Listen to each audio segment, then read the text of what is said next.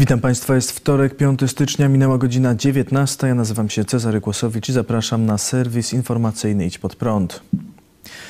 Człowiek prześladowany przez komunistyczne władze Chin oraz człowiek podejrzany o szpiegowanie dla tychże komunistycznych władz siedzą w jednej celi w Polsce. Mecenas Krzysztof Kitaj-Grodzki ujawnił na antenie telewizji Pod Prąd, że Zhi Li, Chińczyk z obywatelstwem szwedzkim, praktykujący zwalczane przez komunistów chińskich Falun Gong, siedzi w jednej celi z podejrzanym o szpiegostwo byłym dyrektorem Huawei Wei Jingwangiem. W dzisiejszym Mieć pod prąd na żywo mecenas przekazał te informacje, odnosząc się do komentarza jednego z widzów. Grzegorz Zawadzki pisze, chiński szpieg jest bezkarny w Polsce, a obywatel Szwecji chińskiego pochodzenia, członek Falun Gong jest więziony i grozi mu wydanie i śmierć. To jest rząd bezprawia i niesprawiedliwości. Jeśli Państwo pozwolicie. Proszę, proszę. Prosimy. Obaj siedzą w jednej celi. Wow. Widzicie Państwo? E, No to jest rzeczywiście e, niesprawiedliwość e, i bezprawie. Paweł Chojecki. Rozmowy z katem mi się tu zaraz kojarzą. Rzeczywiście to jest skandal i wstyd dla państwa polskiego, że ta sprawa tak długo się ciągnie. To, że on gnije w więzieniu już dwa lata, siedzi z y, osobą podejrzaną o szpiegostwo, czyli być może z agentem komunistycznych y, Chin w jednej celi, to jest, y, no to już woła, jak to się mówi, o pomstę Pomstę do nieba. Do nieba. Zhi jest oskarżany przez chińskie władze o oszustwa finansowe, za co formalnie grozi mu dożywocie. Jednak zarówno on, jak i jego obrońca są przekonani, że z powodu zaangażowania w ruch Falun Gong i odrzucenia partii komunistycznej po odesłaniu do Chin czeka go śmierć. Li został zatrzymany prawie dwa lata temu na lotnisku Chopina. Od tamtej pory przebywa w areszcie. Mecenas Kitaj-Grodzki zaznaczył, że polskie służby miały obowiązek zatrzymać Li po przylocie do Polski, ponieważ wydano za nim międzynarodowy list gończy, ale podkreślił, że nie ma potrzeby przetrzymywać go w areszcie. Prokurator okręgowy złożył wniosek do sądu o jego tymczasowe aresztowanie. Na tej podstawie, że pan Li e, nie ma miejsca stałego pobytu w Polsce, że e, kara, która e, mu grozi w Chinach formalnie dożywocia, no jest karą surową i po prostu e, z takich bardzo formalnych mm, powodów mm, przebywa w areszcie już blisko dwa lata. E, My oczywiście y, próbowaliśmy przekonywać sądy, że złożymy kaucję, że e, pan nie będzie tutaj mieszkał na tym terenie, że wynajmie sobie mieszkanie, bo akurat w jego przypadku taka możliwość istniała i że będzie spokojnie oczekiwał na koniec procesu ekstradycyjnego, który wcale nie musi e, jakby toczyć się w warunkach aresztu. To nie jest wcale reguła. nie? E, Mówi pan, że dwa lata w areszcie e, pod e, jakby zarzutem wskazującym na to, że jeżeli zostanie wydany Chinom, to czekają go co najmniej tortury, a w moim przekonaniu jestem głęboko przekonany, że czeka go tam śmierć. No, że mm, jakby mm, przebywanie ta, z takim poczuciem zagrożenia w obcym kraju, nie, nie znając języka polskiego, no jest czymś nie, niesamowitym, niesamowicie dolegliwym, przykrym i w moim przekonaniu zupełnie zbędnym i niepotrzebnym. Mecenas zwrócił też uwagę na postawę wielu polskich mediów, które gdy tylko dowiadywały się, że sprawa dotyczy komunistycznych Chin, nie chciały o niej mówić. Rzeczywiście próbowałem nawiązać kontakt z mediami, mm, ale e, w momencie, kiedy dochodziło do nich, że chodzi o państwo środka, e, ten temat nie przechodził przez e, kolegia mm, redakcyjne. No i w zasadzie ostatnią instancją no, była państwa stacja. Polsce sąd pierwszej instancji wydał zgodę na wydanie działacza Chinom. Sąd apelacyjny wyrok odwołał i cofnął sprawę do sądu okręgowego. Tam znów zapadła decyzja o przekazaniu mężczyzny władzom chińskim. Obecnie sprawę rozpatruje Sąd Najwyższy, który ma wydać wyrok 15 stycznia. Jeśli poprze on decyzję sądu niższej instancji, to ekstradycję Li do Chin będzie jeszcze mógł powstrzymać minister sprawiedliwości Zbigniew Ziobro. Rzecznik prasowy Ministerstwa Sprawiedliwości Agnieszka Borowska odpowiadając na nasze pytania stwierdziła, że resort z uwagą monitoruje sprawę. Dla nas priorytetem jest ochrona praw człowieka, ale na obecnym etapie nie wypowiadamy się co do kwestii, którymi zajmuje się sąd, stwierdziła rzeczniczka.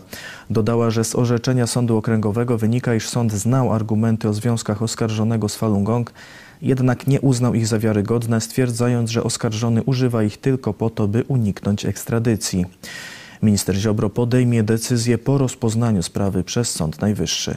Nasz kraj wiele przeżył, wie, co to, co to są tortury, co to są morderstwa polityczne. My to wszystko jakby czujemy, tak. Więc y, uważam, że w Polsce y, taki człowiek jak, jak, jak pan Lee może szukać y, ochrony, może szukać pomocy, ale no, na razie jakby spotkał się z pewnym brakiem zrozumienia, podkreślam, sytuacji absolutnie czytelnej i jasnej, nie budzącej żadnych wątpliwości. Rzadko się tak zdarza. I nie jestem w stanie pojąć, że my, którzy wyrośliśmy właśnie w takim przekonaniu, że musimy jakby no, no bronić tych podstawowych wartości, nie ulegać temu konformizmowi. Ja wiem, że to pod względem załóżmy gospodarczym i tak dalej może to mieć jakieś tam reperkusje, ale w sytuacji, kiedy chodzi o życie człowieka, powinniśmy się za, e, zachować porządnie. Porządnie bo jednak życie ludzkie jest tutaj jakby najważniejsze.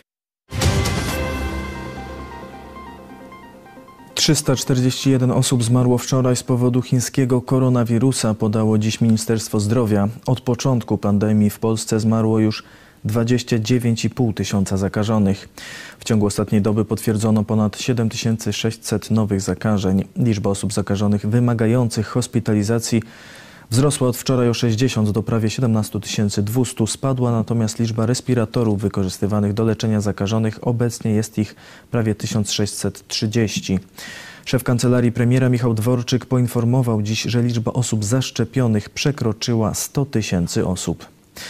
Dziś minister zdrowia Adam Niedzielski wypowiedział się o wynikach kontroli w Warszawskim Uniwersytecie Medycznym, gdzie poza kolejką zaszczepiono kilkunastu aktorów i polityków.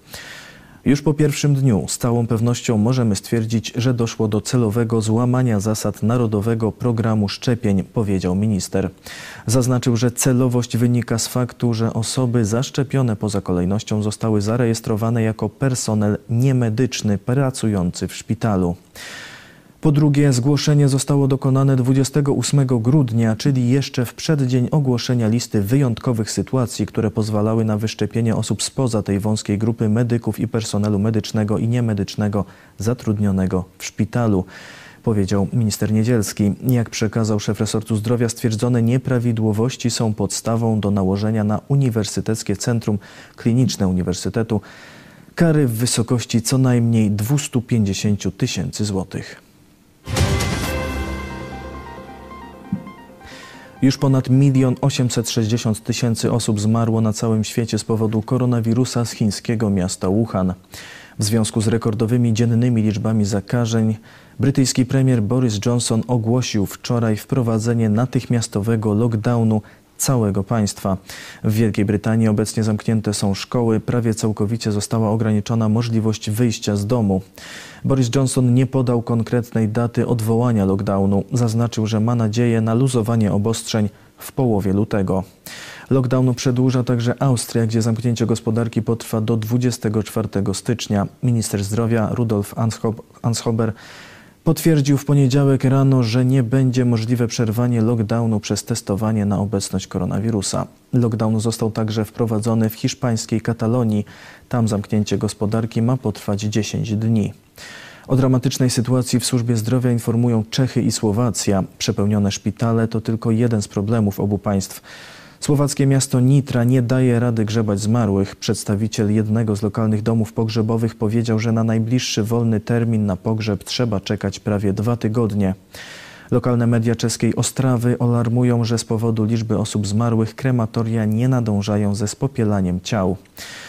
Rzecznik niemieckiego rządu Stefan Seibert oświadczył dziś, że w związku ze wzrostem liczby zakażeń wirusem sytuacja w niemieckich szpitalach jest niezwykle trudna. Zaznaczył, że rozumie zniecierpliwienie procesem szczepienia Niemców przeciw koronawirusowi. Europejska Agencja Leków ogłosiła dzisiaj, że zarekomenduje przyjęcie do użytku szczepionki na COVID-19 firmy Moderna. Wcześniej zatwierdziła już szczepionkę firm Pfizer i BioNTech. Prezes Urzędu Rejestracji Produktów Leczniczych, Wyrobów Medycznych i Produktów Biobójczych Grzegorz Cesak poinformował, że rekomendacja miała zostać wydana już w poniedziałek. Zaznaczył, że opóźnienie nie było spowodowane wątpliwościami co do samej szczepionki. Potrzebne za to było doprecyzowanie specyfikacji preparatu. Te kwestie musiały być do końca wyjaśnione, żeby nie było żadnych wątpliwości co do dawkowania, przeciwwskazań i postępowania w całym procesie szczepień, powiedział Cessak. Szczepionkę firmy Moderna zatwierdziły wczoraj władze Izraela, które zamówiły już 6 milionów dawek specyfiku. Wcześniej szczepionkę zatwierdziły Stany Zjednoczone i Kanada. Niemiecki dziennik Bild opublikował wczoraj list ministrów zdrowia Niemiec, Francji, Holandii i Włoch do Komisji Europejskiej, w którym wezwali organ unijny do objęcia przywództwa w procesie zakupu szczepionek. Według dziennika list ten powstał z inicjatywy kanclerz Niemiec Angeli Merkel. Politycy napisali w nim, że lepszym wyjściem będzie, jeśli nie będzie miało miejsca kilka równoległych działań mających na celu zakup szczepionki. Niemiecki dziennik podaje, że list zapoczątkował katastrofę szczepionkową w Europie, ponieważ w jego efekcie wielu obywateli państw europejskich nadal nie ma dostępu do szczepionki przeciw COVID-19.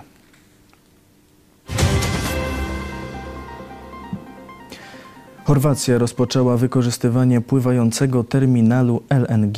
Terminal na wyspie Krk odebrał pierwszy ładunek skroplonego gazu ze Stanów Zjednoczonych. Do sieci przesyłowych trafiło 4 miliony metrów sześciennych gazu ze statku Tristar Ruby. Nowy terminal pomoże Chorwacji uniezależnić się od dostaw gazu z Rosji. Do tej pory z Rosji pochodziło 2 trzecie gazu zużywanego w tym kraju. Ponadto Chorwacja wraz z Ukrainą i Węgrami pracują nad stworzeniem drogi przesyłu błękitnego paliwa z nowego terminalu na Ukrainę. Chiny masowo inwigilowały amerykańskie telefony. Raport firmy zajmującej się badaniami cybernetycznymi ujawnia, jak chiński reżim wykorzystał luki w globalnej sieci telefonii komórkowej do prowadzenia masowej inwigilacji. Firma Exigent Media z siedzibą w Waszyngtonie wykazała, że Pekin współpracując z państwowym operatorem telekomunikacyjnym China Unicom był głównym źródłem ataków na amerykańskich użytkowników telefonów komórkowych za pośrednictwem sieci 3G i 4G w 2018 roku. Sprawę opisał amerykański oddział Epoch Times.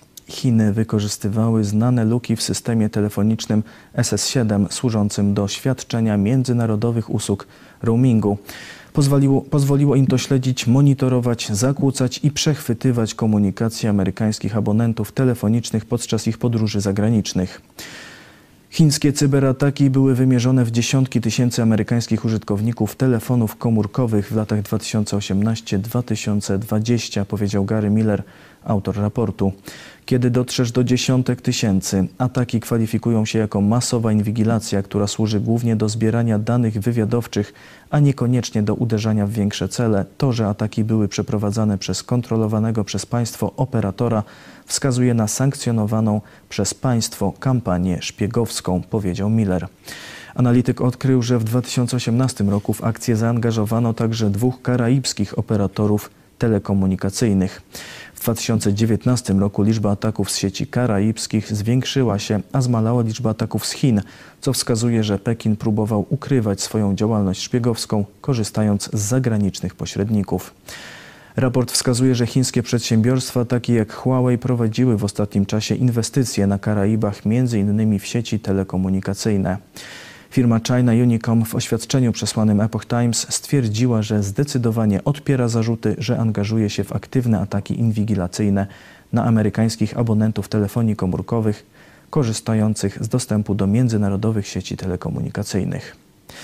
Autor raportu twierdzi, że ataki na amerykańskich użytkowników pochodzące ze źródeł chińskich i Hongkongu, a także innych krajów były kontynuowane w 2020 roku.